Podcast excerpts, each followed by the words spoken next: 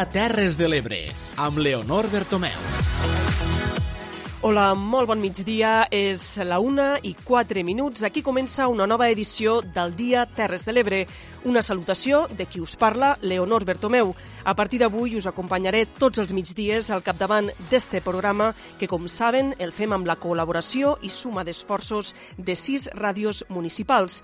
La Plana Ràdio de Santa Bàrbara amb Tere Giné i Clara Seguí, Ràdio Tortosa amb Núria Mora, Clàudia Ruiz i Xavier Falcó, la Cala Ràdio de l'Ametlla de Mar amb Laia Oltra, Francesc Callau i Daniel Rodríguez, Ràdio Joventut de Masdenverge amb Judit Castells i Jonathan Valls, Ràdio Delta de Deltebre amb Eduard Carmona i Amposta Ràdio amb Tomàs Ginestra, Jordi Galo i Manel Ramon. A partir d'avui comencem una edició especial del Dia Terres de l'Ebre marcada, sens dubte, per l'estat d'alarma pel coronavirus, les restriccions de moviment i les mesures de control imposades per a evitar la propagació del virus fa que des d'este programa s'hagi decidit reduir la durada a només una hora per complir amb el nostre deure com a emissores municipals i públiques de garantir el dret a la informació i a la vegada ser també corresponsables amb la situació d'alarma que viu el país i respectar les mesures de de control imposades. Este programa el podreu escoltar en reemissions les pròximes hores. A hores d'ara hi ha en marxa una roda de premsa del govern de la Generalitat amb la consellera i portaveu Meritxell Budó, el conseller d'Interior Miquel Buch i la de Salut Alba Vergés. L'actualitat, com sempre mana, intentarem ara anar en directe a esta roda de premsa, aviam si ha començat, per veure si s'està dient alguna cosa d'interès.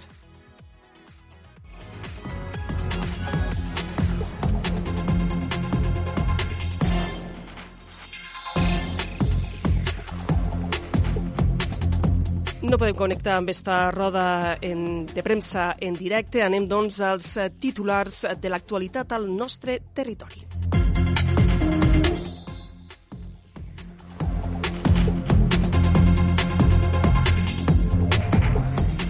Onze positius confirmats de Covid-19 a les Terres de l'Ebre. Avui, a les 3 de la tarda, Salut Terres de l'Ebre actualitzarà aquestes dades. La regió sanitària Terres de l'Ebre reorganitza el servei d'atenció primària a partir d'avui dilluns pel coronavirus. Dos tripulants d'una barca han estat rescatats al Delta de l'Ebre i dos establiments de les Terres de l'Ebre sancionats per no complir les mesures de confinament. Les segones residències de la costa de l'Ebre s'omplen de persones per passar el confinament. S'aixequen les restriccions als transportistes a la carretera nacional 340 mentre duri l'estat d'alarma. L'Ajuntament de Tortosa funciona des d'avui amb serveis mínims i només atendrà tràmits urgents de manera presencial. Amposta suspendrà el cobrament dels serveis municipals que no es presten. I l'Ajuntament de Deltebre ha posat en marxa una dotzena de mesures per neutralitzar els efectes del coronavirus al municipi, entre elles la creació d'un telèfon de detecció de situacions vulnerables. A Santa Bàrbara s'organitza per donar suport a la gent gran o les famílies que ho necessiten. I altres notícies més enllà del coronavirus desmantellen dos cultius de marihuana amb més de 1.900 plantes a Alcanar i al Vendrell.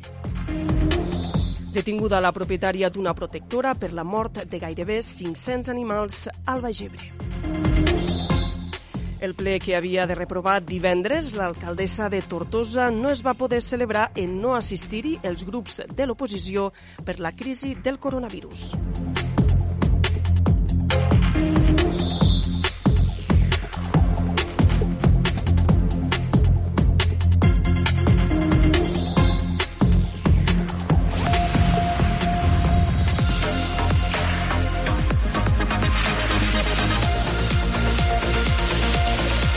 Al dia. Les notícies de les Terres de l'Ebre. De moment, a les Terres de l'Ebre hi ha confirmats 11 positius de Covid-19. Falta, però, l'actualització que farà el Departament de Salut avui a les 3 de la tarda. Ens informa des de Ràdio Joventut Judit Castells. Una professional sanitària de 55 anys, veïna de Tortosa, ha estat el darrer positiu per coronavirus confirmat a les Terres de l'Ebre. Així ho va comunicar ahir el Departament de Salut, elevant a 11 el nombre de casos detectats i confirmats a les Terres de l'Ebre. La malalta se troba en aïllament domiciliari, com altres 8 pacients, mentre que dos estan hospitalitzats al verge de la cinta. Els ingressats són un veí de Roquetes de 61 anys, confirmat dissabte i ingressat amb pronòstic greu, i una dona de Tortosa de 69 anys, membre de la família de Tortosa, diagnosticada diagnosticada entre els primers casos contagiats en un viatge a Conca. Entre els altres casos confirmats hi ha un veí de Tortosa de 71 anys, un de l'Ampolla de 70 anys i una poblenau del Delta de 47 anys que estan en aïllament domiciliari, així com també els quatre familiars de la dona de Tortosa ingressada i una cirurgiana d'Uidecona de 30 anys. Els contactes directes d'aquesta cirurgiana, un total de 18 professionals de l'hospital, entre els quals hi ha cirurgians, anestesistes, personal d'infermeria, auxiliars i celadors, també estan aïllats a casa. Aquesta tarda, a les 3, el Departament Salut Terres de l'Ebre actualitzarà la situació dels casos confirmats i també donarà més dades sobre possibles nous positius de coronavirus aquí a les Terres de l'Ebre.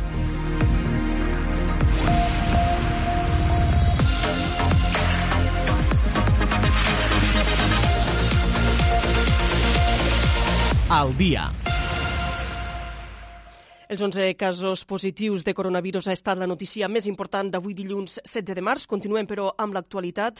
La regió sanitària de les Terres de l'Ebre reorganitza el servei d'atenció primària a partir d'avui dilluns per tal de fer front a la situació generada per l'evolució del coronavirus i poder assumir la demanda creixent d'atenció i el tractament adequat dels casos i alhora preservar la salut de les treballadores i treballadors sanitaris. Ens informa des de Ràdio Tortosa, Núria Mora.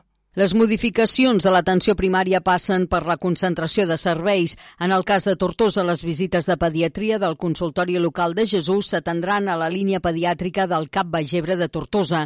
D'altra banda, l'activitat del consultori local de l'Ampolla es realitzarà al Cap de l'Aldea.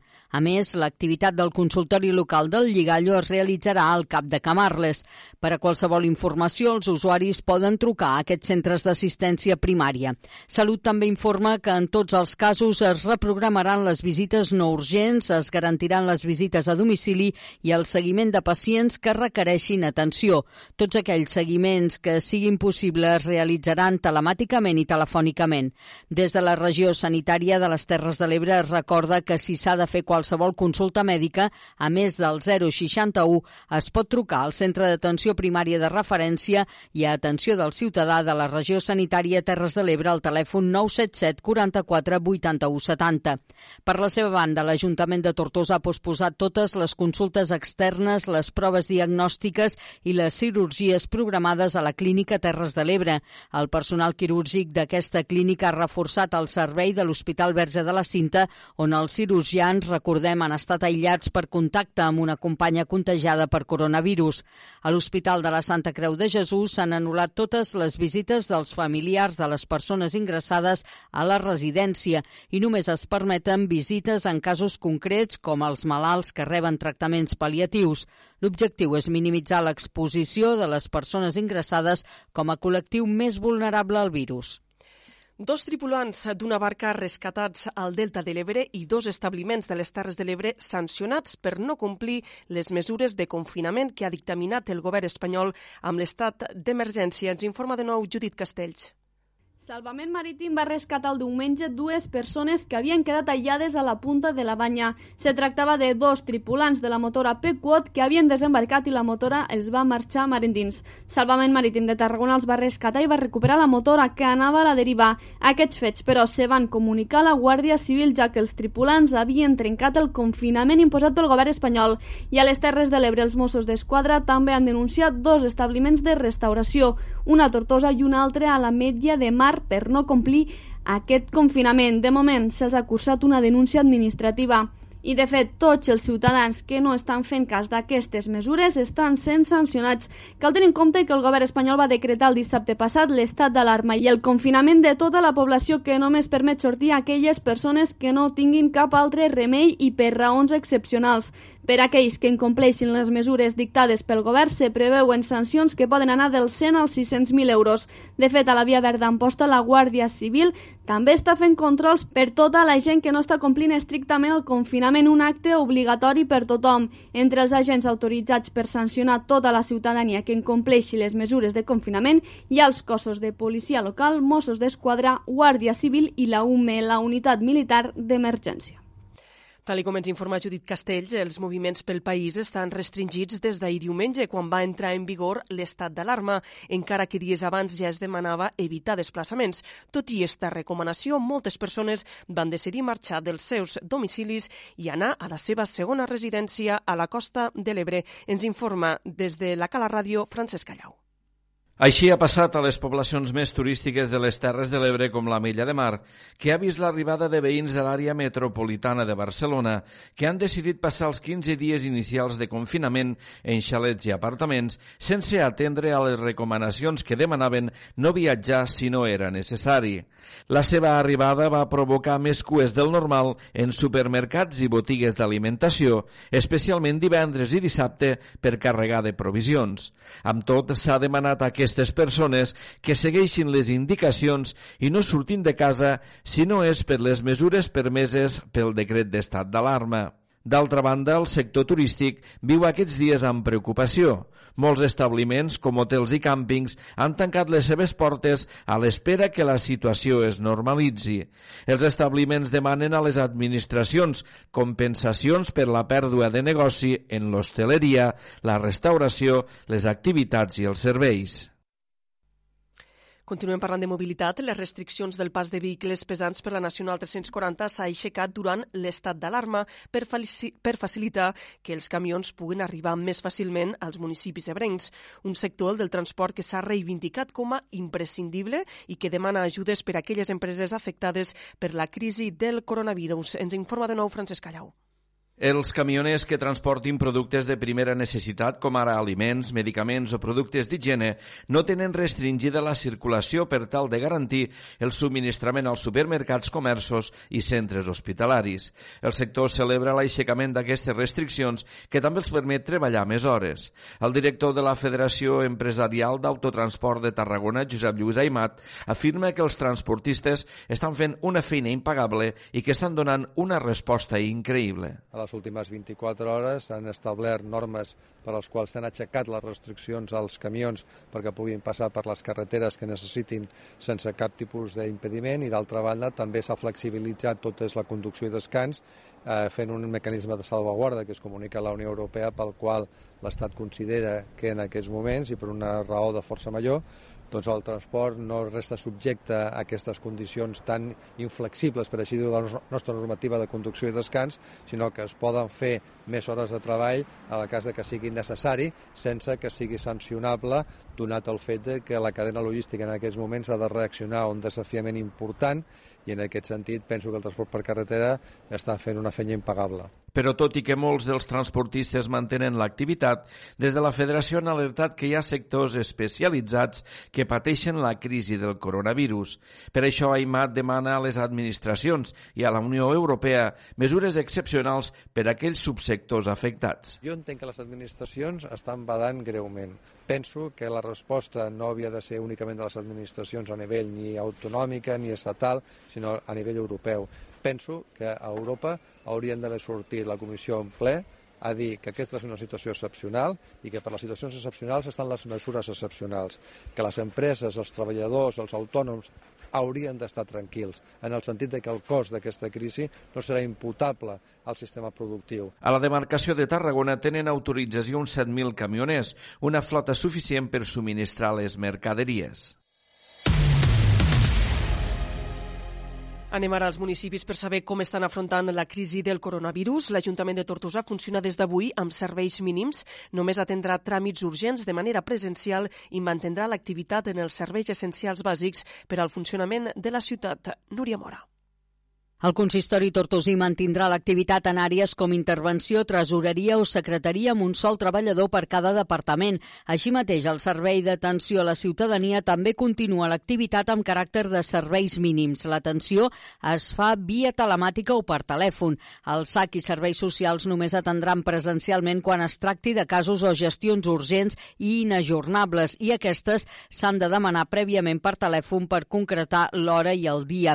La resta de la plantilla laboral laboral treballarà des de casa quan el seu àmbit d'actuació així ho permeti. Meritxell Roger és l'alcaldessa de Tortosa. Els serveis, el que fem és que només se presten aquells serveis essencials i, per tant, hi haurà serveis de l'empresa d'aigües, de la policia, serveis socials, hi ha serveis d'atenció al ciutadà i, per tant, l'Ajuntament eh, prestarà els serveis, però en tot cas demanem que només siguin aquells casos, com he dit, que són urgents i inajornables.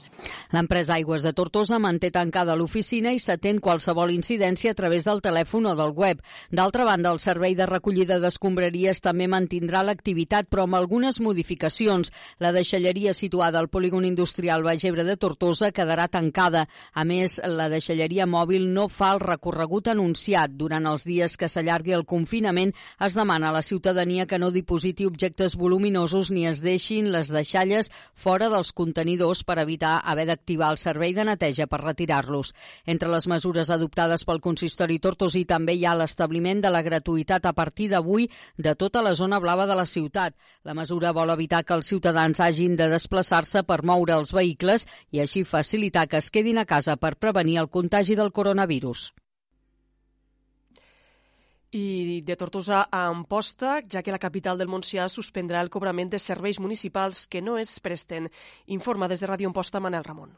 Doncs així és, l'Ajuntament d'Amposta ha pres diferents eh, mesures eh, per tal de pal·liar la situació d'alarma que està vivint l'estat espanyol degut a aquest eh, coronavirus. Un seguit de, de mesures que passen per les taxes, pels serveis i també per les zones d'aparcament. Així, l'Ajuntament d'Amposta ha decidit que durant el temps d'aquesta situació d'alarma, en principi aquests 15 dies, no cobrarà les quotes proporcionals de serveis com les llars d'infants, la piscina o també de les terrasses o del mercat eh, ambulant.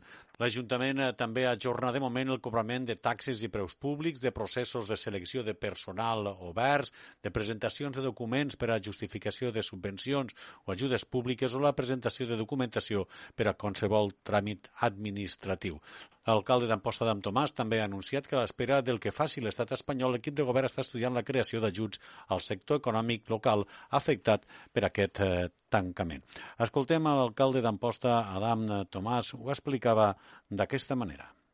I que tots haurem de haurem d'arrimar l'ombro i, i des dels ajuntaments pues, si podem també tots aquells serveis que no s'han prestat no cobrar-los o retornar-los i, i aquí vinga quotes de, llars d'infants, eh, piscina, gimnàs, les concessions administratives que l'Ajuntament té donades, per exemple, el mercat, que no se'ls ha deixat parar, a les terrasses dels locals, dels bars, també, perquè, clar, nosaltres, per exemple, allò que, que cobrem, deixarem de cobrar-ho. No sé si l'Estat té capacitat de dir, pues, els autònoms no es paguen, no sé, això ja, en base a com ho concreta l'estat les ajudes, nosaltres també vam anunciar de que estudiarem algun tipus de, de mesura de suport a aquests locals que han tingut que tancar i ja mirarem com ho fem eh, i en quina quantitat de, de diners ho fem, però que alguna cosa s'haurà de fer també per ajudar a superar tot este, tot este tram.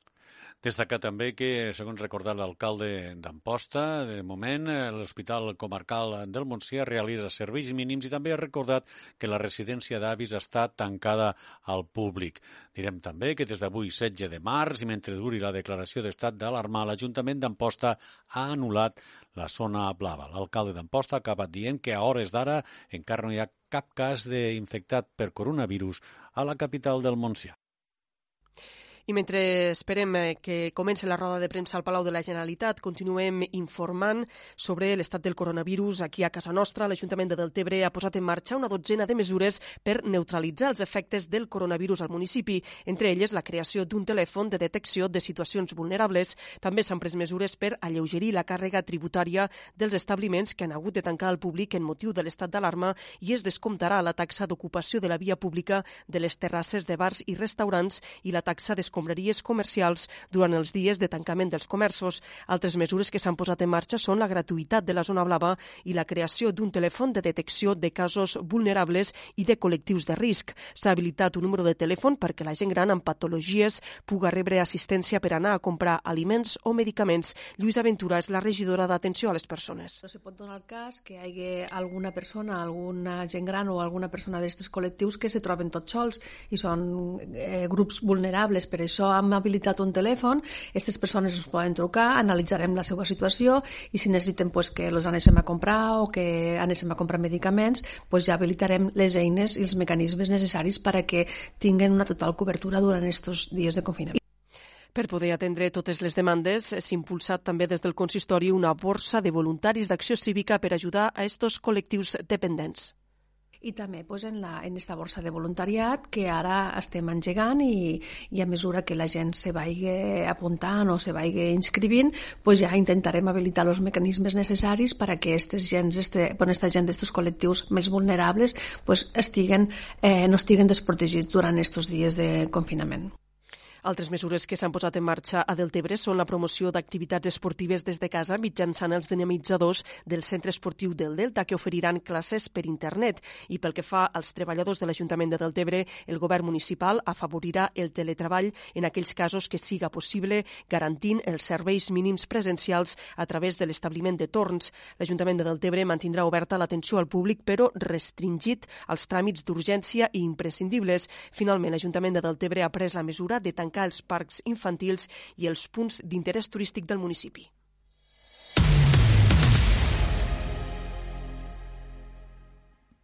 I a Santa Bàrbara s'organitzen també per donar suport a la gent gran o a les famílies que ho necessiten. Des de Serveis Socials s'està coordinant un grup de voluntaris per oferir serveis de compres o cura de nens. Informa des de la Plana Ràdio Tere Giner. Tot i que hem de continuar recordant que els desplaçaments s'han de restringir al màxim eh, si no és per treball o per adquirir productes bàsics, hi ha gent que per limitacions de moviments o perquè són grans no poden fer aquests desplaçaments i requereixen d'algun suport. Durant les darreres hores són moltes les persones que mitjançant les xarxes socials s'ofereixen per cuidar nens o per donar suport a la gent gran. Al municipi de Santa Bàrbara aquesta iniciativa l'havia impulsat el perfil del Facebook Millorem Santa Bàrbara, però veient la nombrosa resposta l'ha decidit assumir la regidoria de serveis socials. Tant la regidora com les tècniques de l'àrea s'han posat a coordinar aquesta proposta, sobretot tenint en compte que arran de la situació del Covid-19 els desplaçaments han de ser molt limitats i només s'han de fer en cas de necessitat. De moment ja s'ha habilitat un número de telèfon de contacte per tots aquells que vulguin formar part del voluntariat. Avui dilluns s'habilitarà una una línia telefònica perquè les persones que ho necessiten contacten per telèfon fent la demanda d'aquest servei gratuït i s'iniciaran també les tasques de coordinació.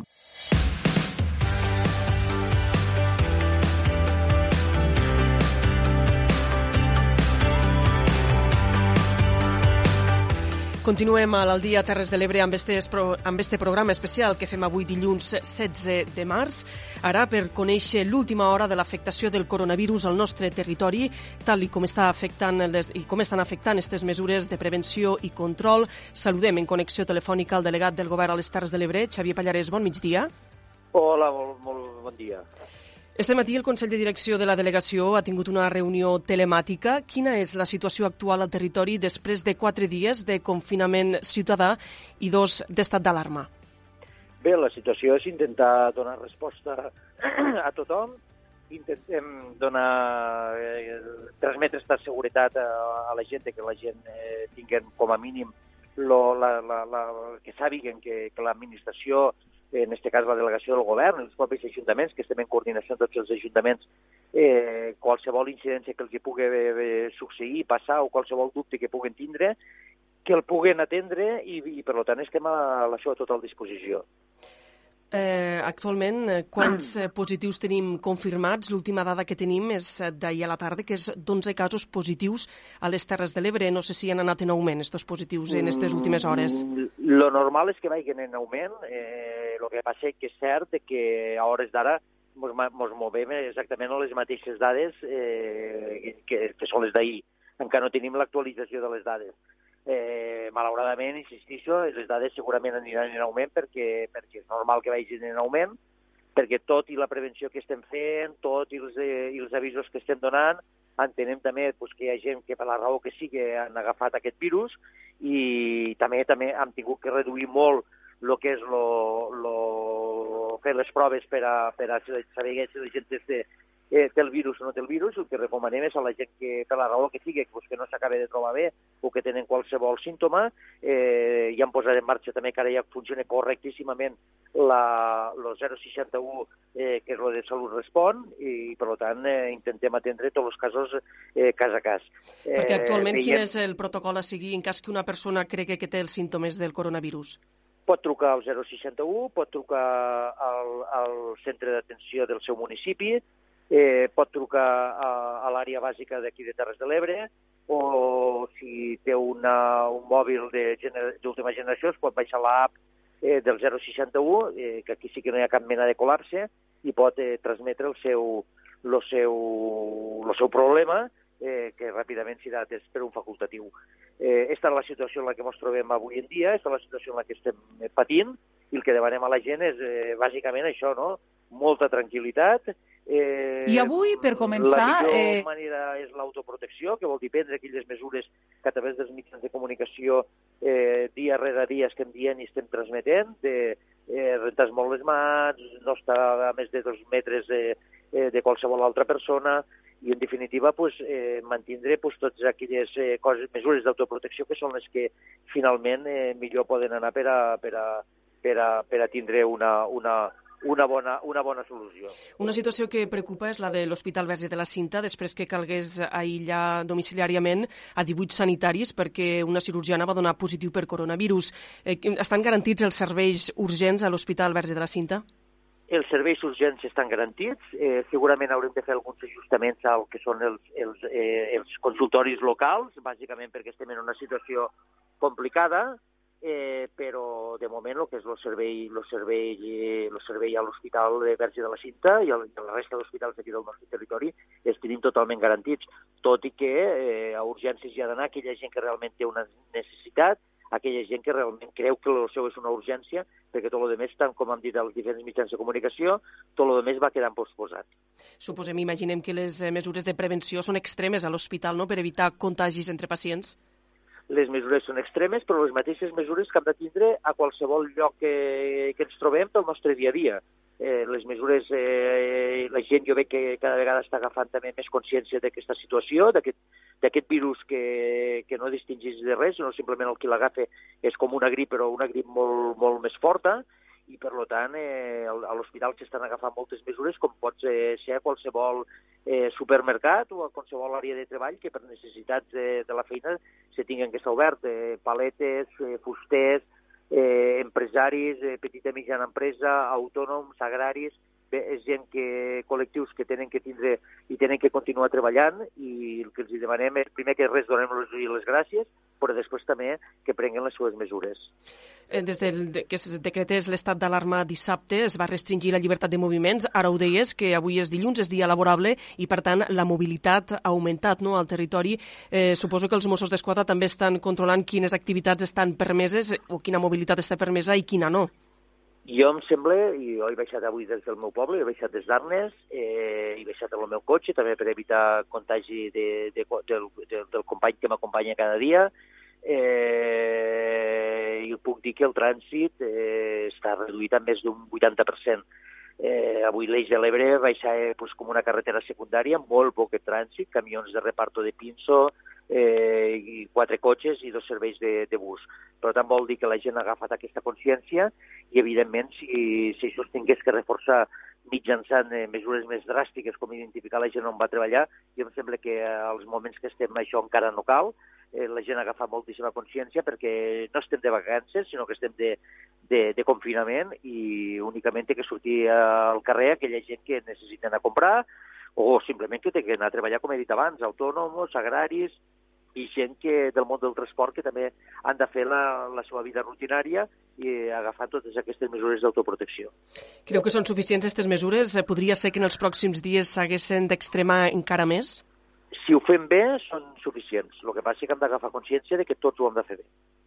Dissabte, ho dèiem abans, es va decretar l'estat d'alarma a l'estat espanyol en què el govern de Pedro Sánchez assumia el control de la situació per damunt, per així, de les comunitats autònomes. Vostès ara mateix de qui, estia, de qui estan rebent les ordres des del govern de la Generalitat o des del govern central?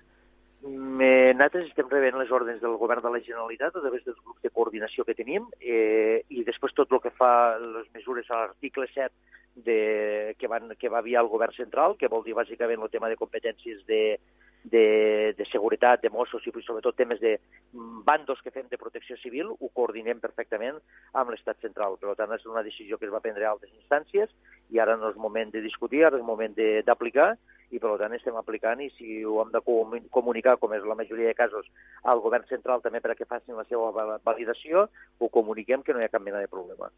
Per tant, el missatge per a la ciutadania és este, no? que en la mesura que pugui es quede a casa i si no, doncs, eh, com a molt anar anar a buscar menjar i anar a la farmàcia.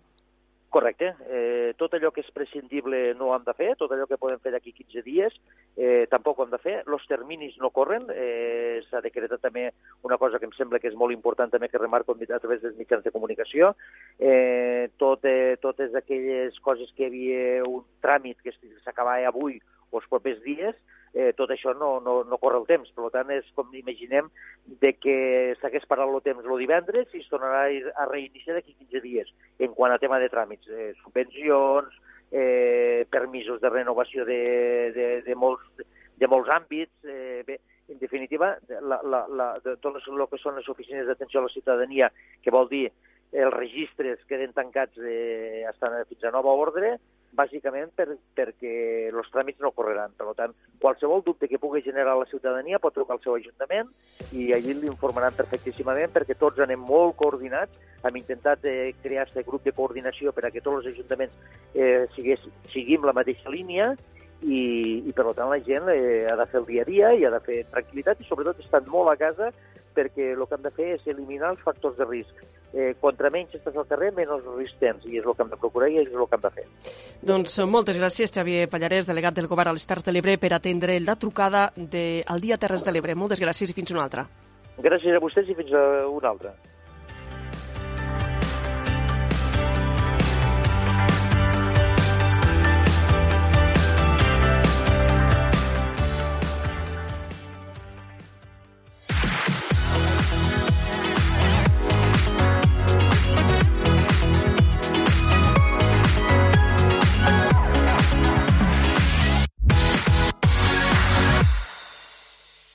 Bé, amb l'entrevista al delegat del govern tanquem la informació relativa al coronavirus i ens ocupem d'altres qüestions.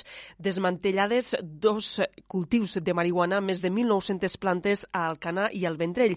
Els Mossos d'Esquadra han detingut quatre persones i han intervingut droga per valor de 122.000 euros. Ens informa des de la plana ràdio Tereginer. Efectivament, i a més a més, la investigació hem de recordar que va començar el setembre passat arran d'un dispositiu en dues cases del carrer Major de Santa Bàrbara, que es va saldar amb un detingut i amb la intervenció de més de 1.300 plantes i 11 quilos de capdells de marihuana.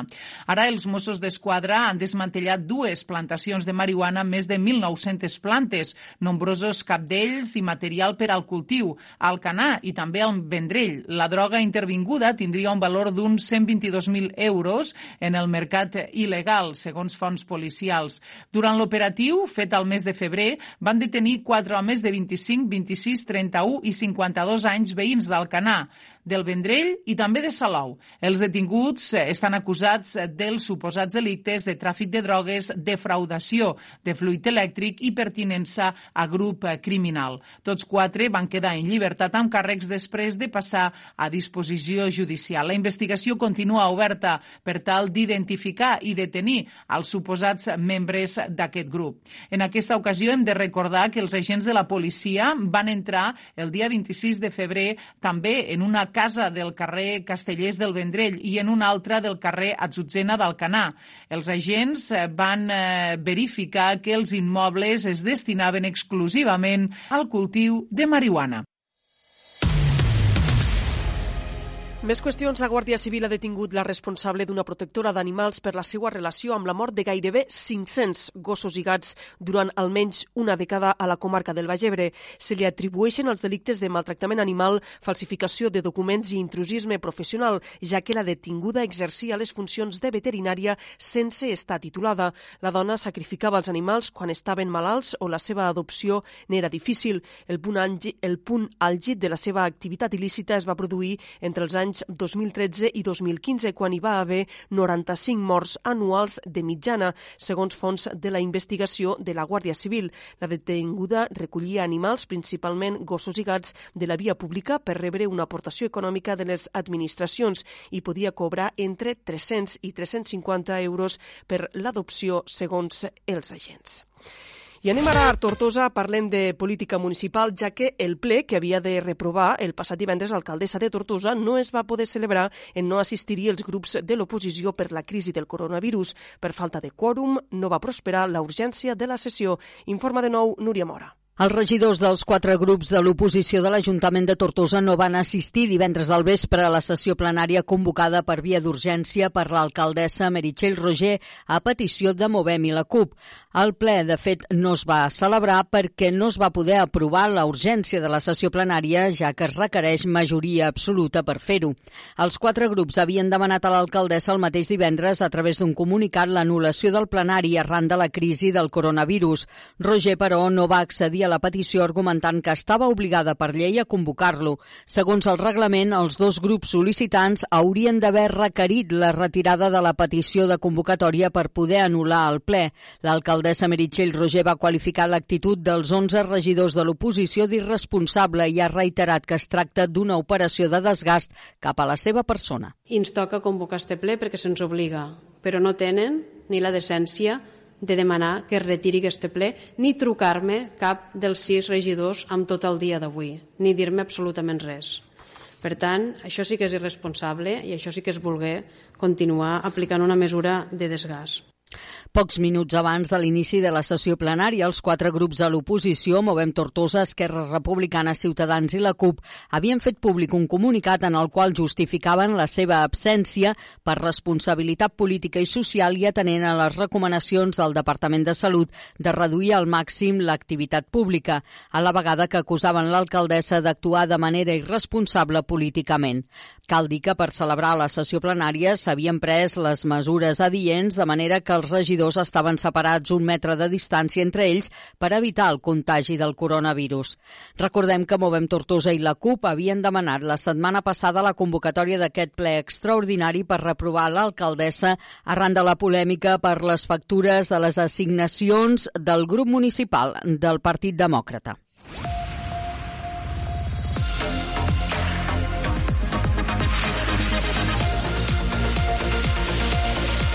Al dia. Continuem al, dia Terres de l'Ebre en esta edició especial d'avui dilluns 16 de març. Per saber com hem de gestionar el confinament amb el coronavirus, Tere Giné de la Plana Ràdio ha parlat amb la psicòloga Assumpta Arassa. Endavant, Tere Giné. I avui, per començar, eh, ja us explico que encetem aquesta, aquesta informació parlant de temes relacionats amb la psicologia, sobretot arran d'aquesta situació que ens, toca, que ens toca viure, una situació que ens ha arribat sobrevinguda, en la que en pocs dies ens hem tingut eh, que adaptar, és aquest tema de tenir que quedar-nos a casa, canviar els hàbits eh, d'una manera dràstica, eh, no poder sociabilitzar-nos eh, gaire, almenys pel carrer, sí que per les xarxes socials o via WhatsApp podem uh, parlar amb la gent que, que més ens estimem o que més proper tenim, però no podem tindre aquest eh, contacte directe, no podem tampoc eh, sortir si no és en cas d'una necessitat important, d'anar a comprar aliments o d'anar a la feina, uns canvis que ens han vingut d'un dia per a un altre. Com gestionem tot això? Doncs bé, nosaltres tenim via telefònica Assumpta Arassa, ella és la psico és psicòloga clínica i, i de la salut i serà eh, qui ens acompanyarà durant aquests dies parlant-nos precisament d'aquests temes. Assumpta, benvinguda i gràcies per acompanyar-nos. Hola, bon dia. Suposo que, al igual que, que tu, molta altra gent ha tingut que, que parar la seva vida, mm, la seva tasca professional, eh, quedar-nos a casa i totes aquestes circumstàncies ens arriben d'una manera sobrevinguda que de vegades és difícil de gestionar, no, Assumpta? Sí, bé, jo el, el que he detectat, eh, evidentment hi ha hagut de tancar la consulta, però també he començat a detectar entre, entre les persones que em venien a consulta i entre amics i amigues que, que s'està patint molt eh, com una mena d'ansietat, eh, sobretot per això el desconegut, no? I llavors aquestes situacions eh, en generen una mica d'angoixa perquè mm, en el nostre sistema de donar resposta a coses que ens puguin passar com que no són massa habituals, no sabem quina mena de resposta hem de donar i això ens paralitza una mica i ens produeix angoixa. Uh -huh. De fet, saber gestionar aquests sentiments eh, que ens arriben i que, com per exemple l'ansietat, és una de les qüestions que, que és complicada, inclús també per als psicòlegs, no? perquè cadascú té una manera de gestionar aquestes emocions. Sí, mm, bé, jo crec que potser eh, els psicòlegs i, i eh, les persones properes a, a tot, tot el tema sanitari, potser he vist o els que jo he tingut mm, possibilitat de veure, els he vist una mica més tranquils que, que la majoria de la població. També potser tenim una miqueta més d'informació o tenim potser una miqueta més d'eines per saber gestionar aquests moments de crisi i això facilita una miqueta eh, el poder-ho gestionar bé, no? Eh, també potser per això es, eh, estic intentant, eh, de manera més pedagògica, eh, eh, escriure eh, consells cada dia per mirar de gestionar aquestes situacions angoixants, no? Uh mhm. -huh. Perquè al tenir una mica més d'eines sí que faciliten una mica el dia a dia. Eh, com detectem aquesta ansietat? Què és l'ansietat bàsicament i com sabem que el que estem tenint és ansietat? A veure, l'ansietat n'hi ha molta de molt tipus, es pot cronificar, pot arribar a donar estrès, o sigui, ja l'ansietat és, és un conjunt de, de trastorns però bàsicament el que notarem ara en aquesta situació és una mena d'activació del sistema simpàtic, més, és a dir, el, el bater cardíac una mica més accelerat en moments, eh, eh, un respirar una mica, una mica més, una mica més de suor, respirar una mica més accelerat, eh, sobretot davant de notícies, perquè eh, al darrere, al transfons, hi ha una mica la por i la impotència. Impotència perquè no sabem molt bé què podem fer per evitar, sí, quedar-nos a casa, però tot i així no sabem si, si pot ser que ja estiguem infectats o no. I, i sobretot, eh, ens passa per això, no? perquè no tenim clar quina mena de resposta hem de donar davant d'aquesta situació. Més o menys les persones tenim mm, tot un seguit de respostes que davant de qualsevol situació sabem mm, quina hem de, hem de fer servir. Això ens ha, ens ha arribat tant de cop que és com si eh, no sabéssim ara quina resposta hem de fer. També s'ha de dir que vivim en una societat eh, hipertecnificada que ens havia fet creure que gràcies a la tecnologia i la tecnificació estava segura. Que si a d'altres països passaven coses era perquè no estàvem tan tecnificats com nosaltres. I clar, ens arriba a aquesta pandèmia i ens col·lapsa, perquè la resposta que nosaltres pensàvem que tenien que era la bona, que és la tècnica, clar, encara no la tenim, és a dir, encara no tenim aquestes vacunes. I a partir d'aquí es genera una cosa que es diu la por, i la por doncs ja comença a donar ansietat, eh, i bueno, tot el seguit de coses que estem veient, no? Uh -huh. Doncs compres compulsives eh, generalitzades de productes que potser no cal, coses d'aquestes. Clar, és el que t'anava a dir, no? que la por al final ens acaba descentrant i, i acabem fent coses que dius, eh, bueno, si t'estan dient que, que, eh, que tenim els transportistes que ens porten tots aquests aliments, eh, que no es deixaran eh, els supermercats desabastits, no? que, que tenim aliments, per què reaccionem així d'aquesta manera? No?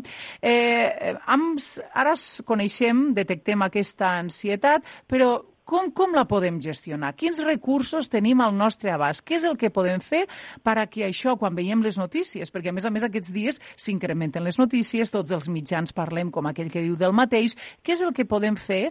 Eh, quins recursos tenim per a gestionar-ho? Això és molt important. Una cosa és la realitat i l'altra és el nostre pensament sobre la realitat. Eh, si no fos diferent, els psicòlegs tindrien poc marge, perquè tindríem realitat i davant de realitat els psicòlegs poc, poc podem fer. Per tant, nosaltres treballem sobre el pensament de la realitat. El problema moltes vegades eh, d'aquesta por és que està basada en tots uns futuribles que no són reals. Eh, jo només Mm, demanaria a la gent que ara ens està escoltant que recordin eh, situacions angoixants que han viscut. Doncs com pagar aquest mes la hipoteca o eh, qui es farà càrrec dels crios perquè eh, eh, la parella està malalta i jo haig de treballar. O sigui, situacions d'aquestes molt angoixants que en alguns moments puntuals hem pogut tenir.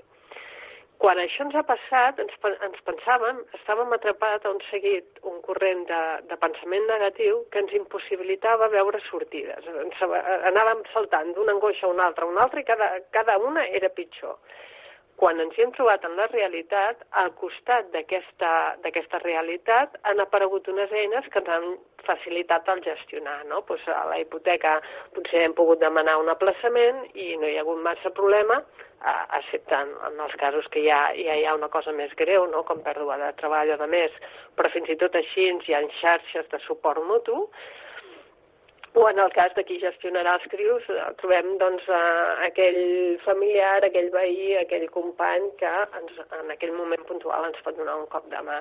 Perquè això és el que passa. A la realitat, igual com apareix un problema, acostumen a aparèixer els recursos per solucionar aquests problemes.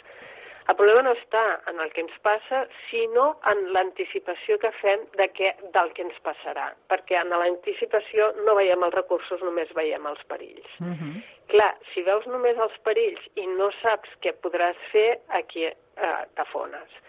Per tant, els psicòlegs, normalment, davant d'això, el que fem és dir pareu aquesta anticipació d'aquest i si passa això, i si llavors ens, ens parem aquests icis i ens centrem en el que estem fent ara. Què podem fer? Doncs, bueno, doncs podem llegir, podem mm, centrar-nos molt en el que estem fent ara. Ara estic malament? No. Ara tinc algun problema? No. Ara estic amb la família? Sí. Ara em puc contactar a, a través de WhatsApp de, amb les meves germanes i, saber que tot està bé? Sí. És a dir, em vaig a centrar en el que estic fent ara i a més a més ho puc acompanyar d'exercicis, per exemple els que estic escrivint cada dia n'estic donant un o dos, i poder abordar mm, plegats exercicis que ajuden que a, a estar, pues, a baixar aquest Finalment, nivell d'activació. En què considerem insuficient que les mesures anunciades pel govern espanyol. Molt bé. Com per exemple respirar, que això és molt important, no? Fer meditacions, eh, eh, aquestes qüestions, controlar una mica la respiració és una cosa molt senzilla que no ens fixem mai i que ens pot ajudar moltíssim, no, Assumpta? Que és... Jo ara parlaré d'un que ja he parlat també, i Això que és un exercici no que a mi m'agrada molt. És cert que a través d'internet hi ha Això grans no exercicis, per, per exemple, poses controlar la respiració i et sortiran no molts exercicis que aniran explicant com controlar la respiració per baixar activació.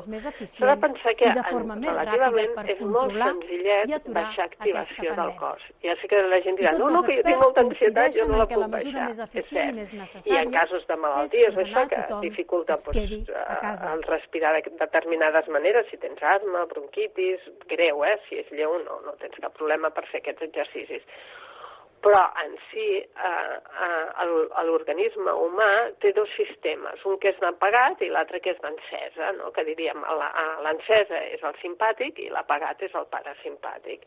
Constantment estem en un equilibri saludable entre el simpàtic i el parasimpàtic, entre la molta activació i la poca activació. I aquest és un equilibri que anem entrant d'un sistema a un altre i i ho tenim bastant així. Què passa? Que de vegades ens posem massa en el simpàtic i en aquí comença, a l'haver-hi massa activació, comencem a tenir els primers símptomes d'angoixa i això, bueno, o d'activació, que això el nostre cervell interpreta com a por i ja es comença a disparar l'adrenalina, eh, el cortisol, ja comencen totes les hormones a, a disparar-se que encara ens activen més. Com ho podem regular això? Una manera molt bona, com has dit, són les respiracions. Jo, si et sembla, m'agradaria ensenyar-vos ara molt senzilletament un, un exercici que podeu practicar i que veureu que en qualsevol moment que us, la gent s'activi fent aquest exercici unes 10 vegades, notaran que es tranquil·litzen. Et sembla bé? I tant, anem a posar-ho en pràctica. Doncs valen. La qüestió es tracta de inspirar molt a poc a poc, jo ara ho faré la guia, aguantar l'aire, la clau està en aguantar, a sostenir durant un ratet l'aire en els pulmons i després deixar-lo anar molt a poquet a poquet. Això fa que ens posem ràpidament en parasimpàtic, allò que deia, la poca activació. Per tant, ens relaxem ràpidament. Per tant, la idea seria agafar l'aire en 4 segons, que seria, ja veuràs, si vols pots provar-ho de fer, tots els que ens escoltin ho podeu provar de fer, jo us guio, vale? Ho estic provant, ho estic provant. Vale, agafar aire en 1, 2, 3, 4, aguantar l'aire, 1, 2, 3, 4, 5, deixar anar poquet a poquet, 1, 2, 3, 4, 5, 6. Agafar aire, un, dos, tres, quatre, aguantar aire. Un, dos, tres, quatre, cinc, deixar anar. Un, dos, tres, quatre, cinc, sis. L'última vegada, agafar aire. Un, dos, tres, quatre, aguantar aire. Un, dos, tres, quatre, cinc, deixar anar. Un, dos, tres, quatre, cinc, sis. Molt Aquest bé. és un dels exercicis. Uh -huh. Bueno, interessant. Assumpta, contactarem amb tu diàriament per a que ens pugues explicar temes com, per exemple, el que hem tractat avui, que evidentment es poden allargar també en, en propers dies, aquest i d'altres. De fet, també fem una crida als nostres oients, si volen que tractem alguna qüestió concreta que durant aquests dies els preocupa, eh, doncs que tenim a, a la disposició eh, la psicòloga clínica i, i de salut, eh, Assumpta Arassa Altimira, que ens acompanyarà també diàriament eh, des d'aquí en aquest espai. Moltes gràcies. Gràcies a vosaltres.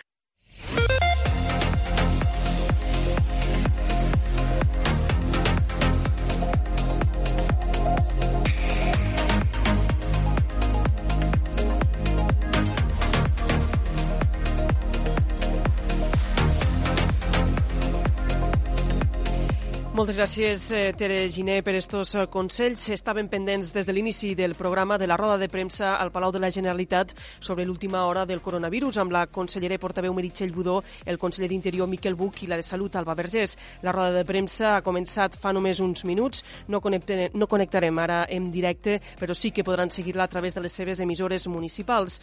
Eh, per acabar aquest programa del dia Terres de l'Ebre, recordar-los que és un programa que l'hem fet conjuntament la Plana Ràdio de Santa Bàrbara amb Tere Giné i Clara Seguí, Ràdio Tortosa amb Núria Mora, la Cala Ràdio amb Francesc Callau, Ràdio Joventut de Masdenverge amb Judit Castells, Ràdio Delta amb Eduard Carmona i Leonor Bertomeu i finalment amb Posta Ràdio amb Manel Ramon. Això és tot per avui. Ja saben que podem que tornarem demà en directe a la una del migdia a l'Aldia Terres de l'Ebre en esta edició especial pel coronavirus. Fins demà.